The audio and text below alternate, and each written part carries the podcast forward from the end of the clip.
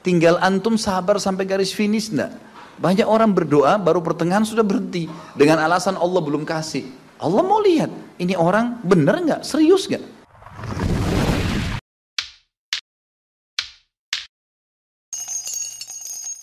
Karena kasus kekufuran saja, malas beribadah, tidak mau jadi orang baik. Hanya itu sederhananya.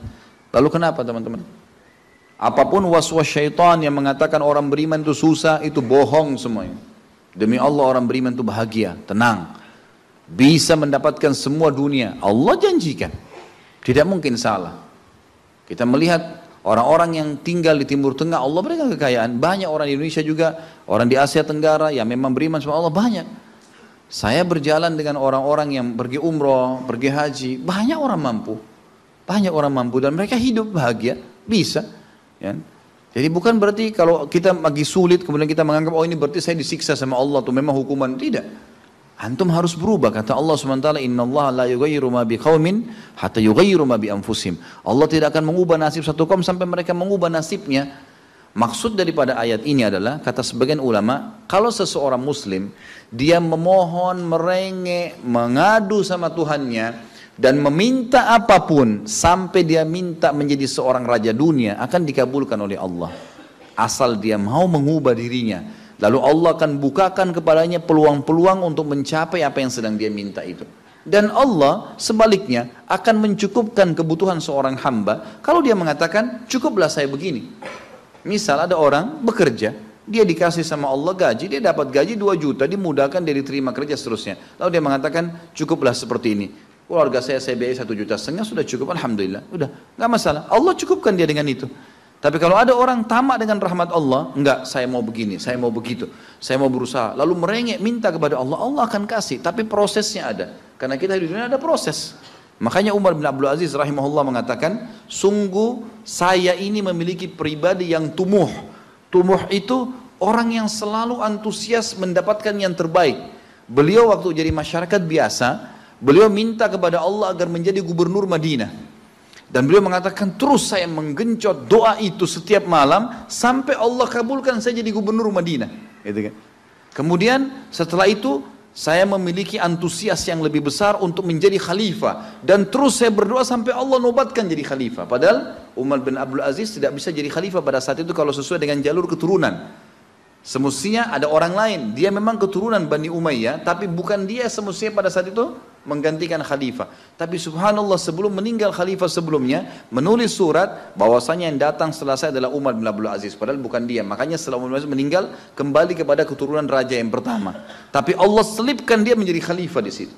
Dan dia mengatakan saya mendapatkan semua apa yang saya inginkan dengan tumuh saya, dengan antusias saya yang besar dan saya mohon kepada Tuhan saya sampai Allah kasih. Jadi Allah kasih teman-teman sekalian. Tapi bagaimana kedekatan antum kepada Allah Subhanahu wa taala? Bagaimana kita merengiknya dengan Allah? Bagaimana kita memohonnya dengan Allah? Tidak ada yang mustahil. Coba terus minta sampai Allah kasih karena setiap seseorang hamba mengucapkan Rabbana atau Allahumma atau kita mengatakan dalam maksudnya saya Allah wahai Tuhanku begitu kita mulai memohon itu sudah ada garis startnya ucapan kita ada garis finishnya tinggal antum sabar sampai garis finish enggak banyak orang berdoa baru pertengahan sudah berhenti dengan alasan Allah belum kasih. Allah mau lihat ini orang benar nggak, serius nggak?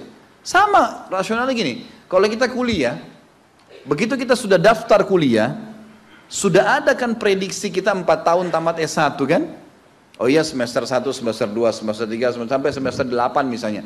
Ini yang saya tahu pada saat kami S1 di Madinah begitu ya. Satu tahun dua semester, satu dua. Tahun kedua, dua, tiga dan empat. Sampai semester 8 selesai S1. Baik, kita begitu daftar, pertama sudah tahu. Saya akan kuliah 4 tahun nih. Kalau saya lulus, selama 4 tahun saya akan lulus menjadi S1. Kita sudah tahu kan, kalau ada orang baru tingkat 2 sudah berhenti kuliah, dia sendiri berhenti. Itu sama rasionalnya orang kalau berdoa tuh. Kalau merengek sama Allah. Sabar sampai titik klimaksnya. Kita akan dapat ijazahnya, kita akan dapat apa yang kita inginkan. Gitu kan? Tapi kalau orang terburu-buru, tergesa-gesa, dia tidak dapat. Jadi selalu tamak terhadap rahmat Allah. Dan itu bagian daripada ibadah. Allah SWT menyuruh kita tamak dengan rahmatnya. Ya. Kita disuruh berdoa dengan khaufan wa tama'a. Khauf, takut dengan adabnya Allah, jangan masuk neraka dan tamak, tamak terhadap rahmat Allah. Minta terus agar Allah Subhanahu wa taala memberikan kepada kita rahmat yang luas, ditambah, diberikan karunia. Antusias teman-teman sekalian. Orang mukmin itu selalu optimis. Tidak ada kata-kata pesimis, tidak ada kata-kata putus asa, nggak ada kata-kata dendam. Berlalu, qaddarallah masya'fa'al. Allah sudah takdirkan dan sudah terjadi. Kata Nabi SAW, kalau terjadi sesuatu pada kalian, katakan Allah sudah takdirkan, sudah terjadi. Buka lembaran baru, jalan sekarang, gitu kan? Sampai kata Nabi SAW yang memotivasi kita, kalau di tangan seseorang di antara kalian sebuah bibit, dan dia tahu, bibit pohon, dan dia tahu besok kiamat, tetap dia tancapkan, tetap dia tancapkan. Sebagian ulama salaf dulu, mereka menanam pohon-pohon teman-teman sekalian, pohon-pohon yang umurnya lama seperti kelapa, ya. Tapi di sana mungkin mereka menanam pada saat itu kurma. Kurma lama tumbuhnya, gitu kan. Mereka tanam. Sampai pada saat itu ada beberapa sahabat menanam pohon-pohon kurma yang masih kecil. Mereka di umur pada saat itu sampai alis mereka sudah putih dan turun menutupi matanya, saking tuahnya, 80-90 tahun. Ditanya oleh murid-muridnya, Kenapa anda masih menanam seperti ini? Di umur seperti ini, gitu kan? Kata dia, Allah akan memberikan saya pahala di setiap gerak-gerik saya, termasuk ini. Bagaimana dia antusiasnya?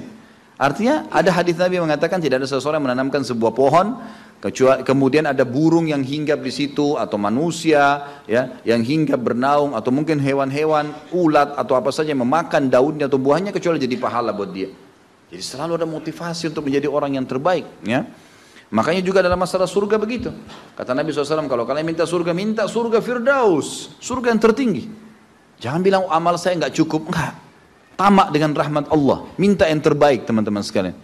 Kita tidak akan berubah kecuali Allah tidak akan berubah kecuali kita berubah dulu. Kita yang mengubah menjadi lebih baik. Ya, ini poin yang harus digaris bawah. Ini sebuah kaidah hidup. Ya. Sehingga kita harus selalu optimis dan begitulah keadaan orang-orang beriman. Allah. Bolehkah berdoa tidak apa ini tidak sambil mengangkat tangan seperti sedang berjalan sedang mengendarai boleh Nabi SAW sering kali berdoa mengangkat tangan atau tidak mengangkat tangan terjadi. Kan gitu. Misal antum tiba-tiba melihat ada mobil tabrakan antum bilang ya Allah mudah-mudahan tidak terjadi pada saya. Tidak perlu angkat tangan. Kan gitu. Memang keadaannya begitu. Kalau emang antum mau angkat tangan pun tidak ada masalah dua-duanya ada perintah dari Nabi SAW Apakah mengusap muka setelah sholat dan berdoa pernah Rasulullah SAW kerjakan? Apa termasuk bidah? Belum pernah ada riwayat yang menjelaskan masalah itu. Mengusap wajah dengan ya telapak tangan itu belum pernah ada contoh dari Nabi SAW. Nah karena ini yang perlu kita jelaskan. Masuk dalam bid'ah kalau mengusap wajah karena dia rangkaian daripada ibadah yang ditambah. Doa Nabi SAW tidak pernah mengusap wajah, kita mengusap wajahnya. Maka bisa ulama mengatakan masuk karena kita menambah ibadah yang Nabi SAW sudah lakukan. Apakah tersentuh rambut istri dapat membatalkan wudhu? Enggak. Kecuali antum syahwat, ya, lain. Kan gitu. Ini sudah pernah saya jelaskan kan. Jumhur ulama mengatakan bersentuhan dengan kulit yang bukan mahram, ya. Kalau tidak diikuti dengan syahwat, gitu kan, dan tidak sengaja. Kalau yang bukan bukan mahram ya, istri di sini sengaja pun tidak apa-apa, asal tidak syahwat. Kalau yang bukan mahram, jumhur ulama mengatakan kalau tidak sengaja dan tidak syahwat tidak batal nggak batal. Tapi kalau sengaja memegang, ya gitu, maka itu masuk dalam ya berhati-hati maka batal. Kalau syahwat jelas batal. Dengan istri menyentuh sengaja atau tidak sengaja nggak batal kecuali dengan syahwat. Makanya Imam Ahmad rahimahullah menekankan hadis Bukhari ya yang berbunyi Aisyah berkata Rasulullah SAW pernah menciumku lalu kemudian keluar mengimami sholat tanpa wudhu lagi. Ya kata sebagian ulama hadis ini kebiasaan Nabi SAW mencium kasih sayang mencium keningnya istri atau istri salaman dengan suaminya kemudian pergi sholat maka tidak batal karena tidak ada syahwat kecuali syahwat antum lebih tahu gitu kan? Kalau Imam Syafi'i lebih hati-hati Imam Syafi'i mengatakan pokoknya tersentuh batal syahwat atau tidak syahwat gitu kan? Jadi kurang lebih begitu gambar apa hukumnya jika ada perusahaan yang mem, yang memberlakukan potongan gaji terhadap karyawan yang telat? Dengan alasan gaji yang dipotong tersebut akan diinfakkan. Hak perusahaan hak perusahaan itu sebagaimana antum juga sebagai pegawai ya tidak berhak untuk mengambil gaji yang antum terlambat. Perlu, ini sering saya tekankan ya. Hati-hati ikhwas sekalian. Kalau antum akadnya sama perusahaan masuk jam 7.30 gitu kan? Keluar jam 5 sore, antum datang pagi hari jam 7 lewat 31 menit. Satu menitnya itu harus antum minta ridhonya.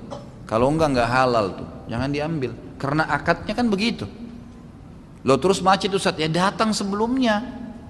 Kan gitu. Kalau kita biasa keluar jam 6 macet ya sekarang setengah 6. Memang sudah itu konsekuensinya. Kalau enggak kan jadi haram. Perusahaan punya hak mengambil, dipotong, dihitung satu bulan dia berapa jam kerja, berapa menit, dibagi kemudian dipotong. Masalah perusahaan ambil untuk dia itu haknya dia atau dia infakkan itu juga adalah hak dia. Karena memang dasarnya itu sudah bukan hak kita. Kita bukan datang sesuai dengan akad. Apa kata Nabi SAW? Al-mu'minuna ala syurutihim. Orang mukmin sesuai dengan syarat yang disepakati. Apa hukumnya tinggal bersama mertua perempuan dalam satu rumah dalam kasus istri meninggal dengan tujuannya untuk menjaga mertua tersebut? Nggak ada masalah, mertua itu mahram. Ya, mahram mertua itu bahkan lebih cenderung pendapat ya, ulama fikih yang saya cenderung padanya ya. Jadi kalau jangankan istri meninggal, berarti masih tetap mertua ya. Mantan istilahnya orang cerai suami istri. Ya, ada orang mengatakan mantan mertua, bukan mantan mertua, tetap mahram itu walaupun cerai dengan anaknya. Kenapa? Karena Allah Subhanahu wa taala mengharamkan ya seseorang menikah dengan mantan anak mantunya dan seseorang juga diharamkan mantan anak mantu menikah dengan mertuanya. Ya, kan tidak boleh kita menikah dengan mantan istrinya ayah. Ya, tidak boleh menikah dengan uh, orang tuanya uh, mantan istri, nggak boleh.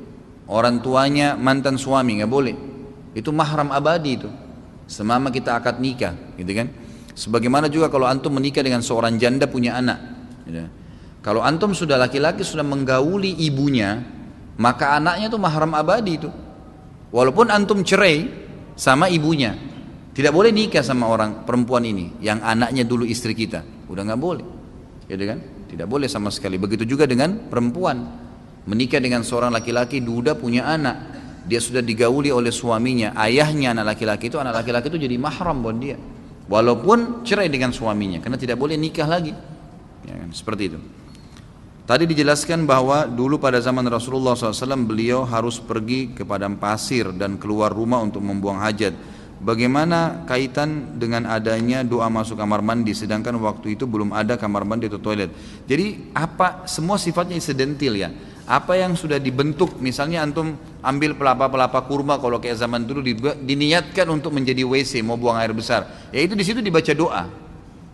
Bukan berarti WC itu harus sebuah kotak kayak kita sekarang. Kalau sekarang kan lebih rapi saja. Apa pun sudah diniatkan. Antum punya rumah 100 meter kan gitu? Misal 10 kali 10 meter. Terus antum niatkan di depan sekali 5 kali 5 meter saya niatkan untuk masjid. Di blok kita tidak pakai tidur sudah jadi hukum masjid tuh. Tadinya rumah kita. Tergantung niat antum. Kalau sudah diniatkan maka jadi tempat itu. Gitu kan? Jadi rumah kita pun tadinya kamar tidur dibongkar nih, semua bukan bukan pintu depan untuk jadi masjid. Sudah niatin ada ada azan, ya itu sudah hukum masjid. Sholat tahiyat masjid di situ, hukum dapat sholat berjamaah di situ pahalanya sudah berlaku semuanya. Begitu pula juga dengan WC tadi yang kalau baru dibentuk sama, itu kan? Bukankah di zaman Nabi SAW masjid Nabawi itu pertama pertama dibangun itu itu sama pelapa-pelapa kurma masih sementara disusun dengan tanah liat dindingnya. Nabi SAW sudah suruh Bilal kumandankan azan dan sudah sholat di situ. Padahal belum rampung untuk masjidnya. Kan gitu, seperti itu gambarannya. Saya mau nanya apakah ada hukum tentang tulisan atau pajangan atau bingkai ayat-ayat Al-Quran yang menjadi hiasan di rumah-rumah. Maksudnya hukumnya boleh atau tidak. Ya ulama sebenarnya ya lebih cenderung menganggap ini adalah perbuatan yang mubah. Boleh-boleh saja gitu kan. Tetapi jangan dianggap itu bisa memberikan manfaat atau madarat. Jadi ayat kursi itu sebesar apa pun antum tulis gitu kan 10 kali 10 meter di rumah tidak bisa ngusir setan. Gitu. jadi jangan anggap bisa ngusir setan. Quran pun yang kita pajang biar 100 buah mushaf tetap baca setan di rumah. Sedangkan kita lagi baca Quran bisa na, bisa ngantuk masih bisa digoda sama setan. Mengusir setan dengan membacanya Gitu kan. Jadi tidak benar itu sering diceritakan di film-film di Indonesia kalau Quran ditempelin teriak-teriak setannya, gitu kan. Kadang-kadang kadang-kadang orang kalau ngerukia saja bacaannya supaya didaunkan kejiwaannya, setannya bilang kamu salah baca, gitu kan. Bolehkah kita menggunakan media gambar seperti di atas bertuliskan terjemahan ayat Al-Quran dan hadis tanpa kalimat Arabnya sebagai sarana syiar agama Islam di media sosial? Boleh saja, nggak ada masalah gambar jalan ada pohon kemudian ditulis ayat atau hadis ya itu insya Allah tidak ada masalah yang penting jangan ada gambar yang berjiwa ya manusia hewan jin dan di sini ulama masukkan juga malaikat Lalu bagaimana pandangan Islam terhadap hukum memajang gambar seperti di atas pada dinding rumah atau dicetak di baju? Sudah pernah saya jelaskan, tidak ada masalah. Selama itu bukan yang berjiwa, nggak ada masalah. Antum punya baju kaos, gambarnya pohon, nggak apa-apa. Gambarnya building, nggak apa-apa. Tulisan, nggak ada masalah. Jangan gambar harimau, gitu kan? Gambar orang, nggak usah. Segala sesuatu yang terjadi pada diri kita itu atas izin kehendak Allah. Ini sahihkah? Jawabannya iya. Pertanyaan tersebut mau anak pakai untuk memberi nasihat kepada orang yang selalu khawatir uh, dalam melakukan segala sesuatu dan jadi lambat sekali dalam bertindak. Contoh, saat mencuci tangan diulang-ulang karena khawatir belum bersih. Saat memakai baju lama sekali karena dicek dulu ada serangga atau tidak. Saat wudhu baca doa diulang-ulang dan jadi lama karena khawatir ini bukan khawatir, ini was-was dari syaitan. Alladhi yuwaswisu fi sudurin nas, waswasa. Itu bisikan syaitan, nggak boleh ragu. Dan itu akan dihilangkan dengan keyakinan. Ya, dalam hadis dikatakan al-yakinu yazilu syak atau yuzalu syak. Ya. Al-yakinu yazilu syak. Kalau tidak salah begitulah fatihah. Kalau Nabi SAW. Saya tahunya kurang lebih seperti itu ya. Jadi keyakinan akan menghilangkan keraguan-raguan. Jadi keraguan itu harus dilawan dari syaitan, nggak boleh. Ya, nggak usah was-was. Kita memang disunahkan kalau mau tidur mengebas selimut, iya. Memakai baju ragu ada serangga dikebas sekali pakai Bismillah, gitu kan? Udah selesai gitu. Ya, nggak usah terlalu khawatir dengan serangga. Siapa yang lebih besar, anda atau serangga? Nah. Apa ini? Saudara perempuan, saudara yang perempuan pada waktu di asrama tidur satu kamar dan tidak pernah buka jilbab. Kawannya satu kamar orang non muslim merasa tersinggung bagaimana solusinya? Ya itu hak dia. Orang non muslim mau tersinggung terserah dia tersinggung. Apa hubungannya? Kan gitu. Nggak usah pikirin apa orang bilang. Kalau anda merasa membuka jilbab takut khawatir fitnah maka nggak usah buka. Hak kita itu jangankan sesama sama dengan wanita non muslim wanita muslim aja kita punya hak untuk tidak memperlihatkan hak kita bebas itu. Kan gitu. Boleh hukumnya mubah memperlihatkan yang mubah saja. Yaitu ulama sudah pernah saya jelaskan dari pundak ke atas leher ke atas ya. Siku ke bawah gitu kan. Dan lutut ke bawah. Ini yang boleh dilihat sama mahram pun ini boleh dilihat kecuali suami. Ayah hanya boleh lihat anak perempuannya yang sudah masuk dalam sinnu tamiz umur yang bisa membedakan jenis kelamin 10 tahun itu yang boleh dilihat oleh si ayah lutut ke bawah leher ke atas, siku ke bawah sampai ke lengan. Lebih dari ini nggak boleh. Sudah nggak boleh, gitu. bisa jadi fitnah, gitu kan? Sama halnya ibu-ibu juga begitu, akhwat tidak tidak boleh lagi memperlihatkan kecuali ini kepada anak laki-lakinya, seperti itulah. Dan sudah pernah saya jelaskan sampai ke masalah kecuali suami istri ya, sampai masalah jenazah saja. Kalau ada laki-laki meninggal, anaknya yang perempuan tidak boleh mandikan jenazah ayah laki-lakinya, ayahnya dia anak perempuan, anak laki-laki nggak boleh mandikan jenazah ibunya. Yang boleh suami istri atau sesama jenis. Ya, karena ini memang sudah batas, nggak boleh memang, sudah nggak boleh lagi. Ini sesuai dengan sabda Nabi SAW, perintahkan anak kalian ya sholat di umur 7 tahun dan pukullah mereka di umur 10 tahun dan ini saksi bahasan pisahkan mereka di ranjang. Kata ulama pisahkan di ranjang artinya tidak boleh lagi saling melihat, ya tidak boleh lagi tidur bersama-sama. 10 tahun itu sudah nggak boleh. Termasuk nggak boleh tidur sama orang tuanya. Bila kita berbuat kebaikan, apakah pahala kita akan sampai kepada orang tua kita yang sudah meninggal dan apakah benar bila kita berbuat dosa maka dosanya pun e, akan terhubung dengan orang tua yang sudah meninggal. Jadi itu masalah berhubung e, perbuatan kita dengan orang meninggal atau tidak tergantung apakah dia penyebab kita melakukan atau tidak. Orang tua atau bukan. Misal orang tua memang dasarnya mengajar anaknya berbohong dari kecil. Pada saat anaknya terapkan orang tuanya dapat dosanya. Pada saat orang tuanya ngajarin jujur atau amanah atau sholat, lalu anaknya kerjakan ya dapat pahala. Tapi kalau orang tuanya nggak punya andil sama sekali, anaknya jadi baik, ya tidak ada hubungannya sama orang tuanya. Tidak ada, tidak, tidak ada andil di situ. Makanya kan sering kita tekankan dalam masalah pendidikan anak, ya usahakan anda sebagai orang tua punya andil di situ. Jangan terus andalin orang lain, didik mereka gitu kan. Ajarin doa tidur, ajarin doa bangun tidur, itu yang mesti kita lakukan. Apakah asar sujud atau bekas sujud pada kening merupakan tasyabuh dengan agama Syiah? Gak ada. Mana ada orang Syiah punya asar sujud? Kan itu kan terbongkar itu. Beberapa tokoh Syiah yang dahinya hitam itu ternyata pakai batu panas di kepalanya. Dilengketin di dahinya batu panas. Nggak ada hubungannya dengan mereka sujud. Subhanallah. Itu asar sujud juga biar antum sholat sujud lama nggak muncul-muncul kecuali Allah mau. Itu bukan dibuat-buat emang.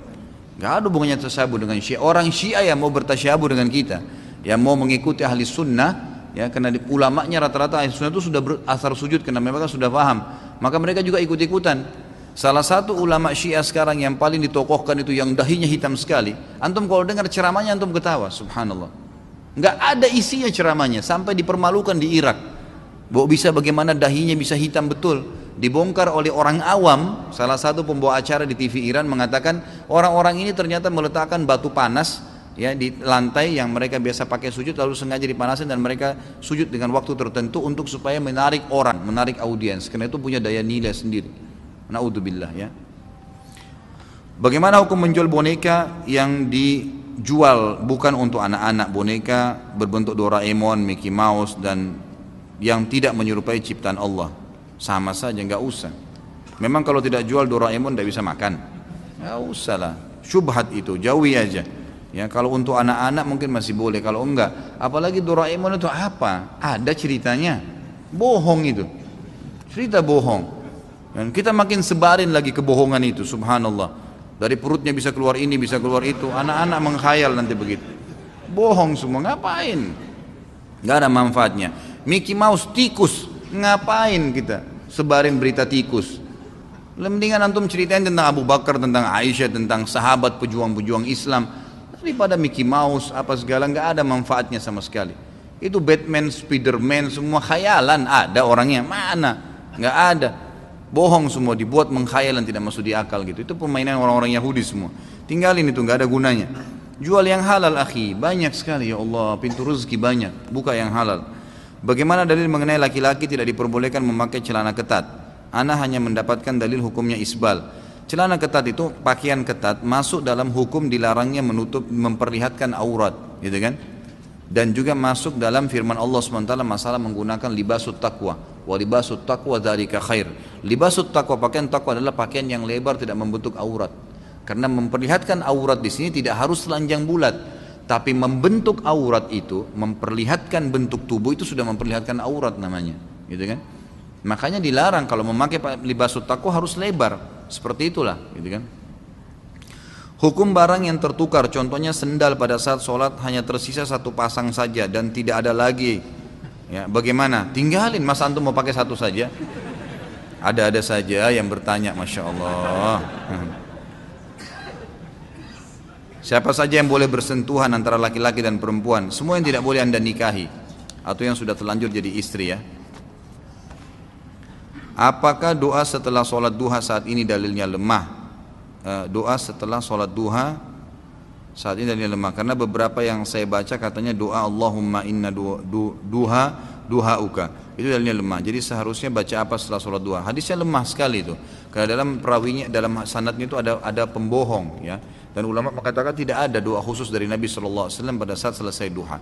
Anda tanya doa apa ya? Doa apa saja. Dan jangan khususkan doa setelah duha ya tidak pernah ada dalil Nabi SAW mengkhususkan doa setelah duha. Tapi kalau anda punya hajat boleh disampaikan pada saat itu. Dan tidak ada doa khusus. Ayah sakit stroke dan anak wanita kandung harus memandikan setiap pagi dan sore. Apa hukumnya Ustaz? Sedangkan tidak boleh seorang anak kandung menggunakan celana pendek di depan an an anak uh, anaknya yang balik dan diharamkan anak wanita mandikan jenazah ayah kandungnya. Kalau seandainya tidak ada yang lain mengurusnya, masuk dalam bab daruriyat Daruriyat memang itu tidak ada masalah, gitu kan? Seperti hukumnya kalau seorang wanita pernah saya kasih contoh mau berobat, mau melahirkan tidak ada dokter perempuan, harus dokter laki-laki, bolehkah? Bukan hanya sekedar memandikan, memang mengeluarkan bayi dari kemaluan perempuan itu. Ulama mengatakan boleh. Sebagaimana juga Nabi SAW menggunakan tenaga beberapa sahabat mengobati laki-laki satu sahabat yang sedang luka di medan perang. Kalau dalam pengobatan berbeda gitu kan? Ini kan termasuk perawatan pengobatan. Kalau nggak ada kalau ada orang lain alhamdulillah anda punya rezeki cari seorang laki-laki yang baik yang soleh bayar dia gitu kan? Bayar dia kemudian insya Allah ya, apa namanya di, di apa namanya di, disuruh urus. Itu bisa. Calon TKI harus menghubungi siapa? Mohon nomor telepon. Ini maksudnya mungkin yang kemarin ya. Oh yang saya iklanin kemarin yang kalau mau kerja tukang besi dan tukang uh, kayu ya, silakan hubungi ke HP saya, gitu kan? Nanti insya Allah setelah hubungin saya insya Allah nanti saya akan hubungkan setelah saya data beberapa orang ikhwah, saya ambil data-datanya nanti saya akan bawa ketemu dengan sepupu ayah saya langsung, kemudian nanti antum akan ada pengetesannya, setelah antum tes lolos, antum silahkan berangkat insya Allah. Dan ini dalam setiap hari ini selalu ada pengetesan dan selalu ada, kalau nggak salah kemarin pemberangkatan ada 600-800 orang gitu. Silakan hubungi saya ikhwah kalau memang antum belum punya nomornya 08787 807 1504. Enggak ada siaran ulang ya, sudah cukup. Menindaklanjuti penawaran Ustadz, ini sama. Syarat-syarat apa saja? Apa yang harus ditanggung oleh calon TKI? Bagaimana kalau calon TKI tersebut tidak memiliki dana? Menghubungi siapa? Ya, kenapa Ustadz semua yang ditanya masalah ini? Ya Setahu saya Allah alam tidak ada dia harus punya keterampilan saja, tidak dibutuhkan ijazah, gitu kan? Setahu saya juga beliau belum menyampaikan ke saya batas umur, ya. Tapi yang jelas punya kemahiran di besi yang kalau saya lihat tesnya, kemarin sempat saya ajak teman-teman Wisol untuk ke tempat pelatihannya di daerah Cibubur, itu memang e, bagaimana mengikat besi dengan besi, gitu kan? Kemudian membuat kayu pun itu bukan membuat ka, e, furnis, ya bukan furnitur yang dibuat ya, bukan sebuah kursi enggak, tapi membuat kayu untuk mengatur sebuah dinding semen. Hanya begitu saja yang saya lihat tesnya dari orang-orang Timur Tengah yang datang kemarin dan banyak sekali ya kali kaum muslimin yang berhasil ke sana. Enggak ada masalah. Tapi kalau bagi saya sih sebenarnya saya berani iklanin di pengajian ini karena saya tahu sumbernya itu dari sepupu ayah saya sendiri dan kemudian orangnya terpercaya di keluarga kami ya. Kemudian juga ini karena masjid haram. Kalau kerja di Saudi secara umum saya nggak repot-repot ngurus gitu. Tapi karena antum bisa sholat lima waktu di masjid haram, azan antum pasti berhenti tinggal sholat saja. Karena pasti berhenti. Antum dilarang bekerja kalau lagi azan gitu kan. Antum bisa sholat malamnya setelah 8 jam kerja antum bisa istirahat, bisa hadir di halaqah para ulama, bisa belajar bahasa Arab kan dua tahun kan gitu. Setahu saya begitu. Kalau masalah anggaran biaya nanti antum bisa bicara sama orangnya langsung insya Allah gitu kan. Nanti setelah saya data beberapa orang karena saya bilang sama dia nanti saya data beberapa orang dulu baru kemudian saya bawa kepada dia gitu. Saya mau tanya jika kita sudah berusaha rajin ibadah, sholat, puasa, zikir, wudhu, tapi masih saja mudah mudah marah pada sesuatu yang sepele saja. Bagaimana menurut Ustadz? Bagaimana solusinya agar tidak marah? Hubungi Ustadz Sahal. Ustadz di Rukia ya. ya. Mungkin sampai situ dulu karena ini pertanyaannya masih banyak dan insya Allah uh, waktu sudah jam 9 lewat. Jadi selama ini saya suka bicara masalah Rukia. Ini kebetulan beliau hadir. Silakan bisa dikontak langsung kalau ada yang bermasalah suka mimpi buruk suka banyak syaitannya malas ibadah.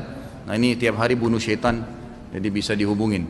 Kemudian juga eh, kemarin jazahullah khair ada salah seorang ikhwah yang sudah dua kali memberikan saya baju. Yang antum melihat ini dikasih hadiah oleh beliau. Saya mengatakan jazahullah khair dan saya merasa cocok. Kalau ada yang suka nanti bisa dihubungin. Saya nggak tahu hadir nggak malam ini orangnya gitu saya nggak tahu dikasih karena supaya saya pakai saja atau untuk promosikan saya sampaikan apa adanya gitu ya. Baik sampai di sini insyaallah. Semoga Allah berkahi majelis kita. Kalau ada benar dari Allah kalau ada salah dari saya mohon dimaafkan. Subhanakallahumma bihamdika asyhadu an la ilaha assalamualaikum warahmatullahi wabarakatuh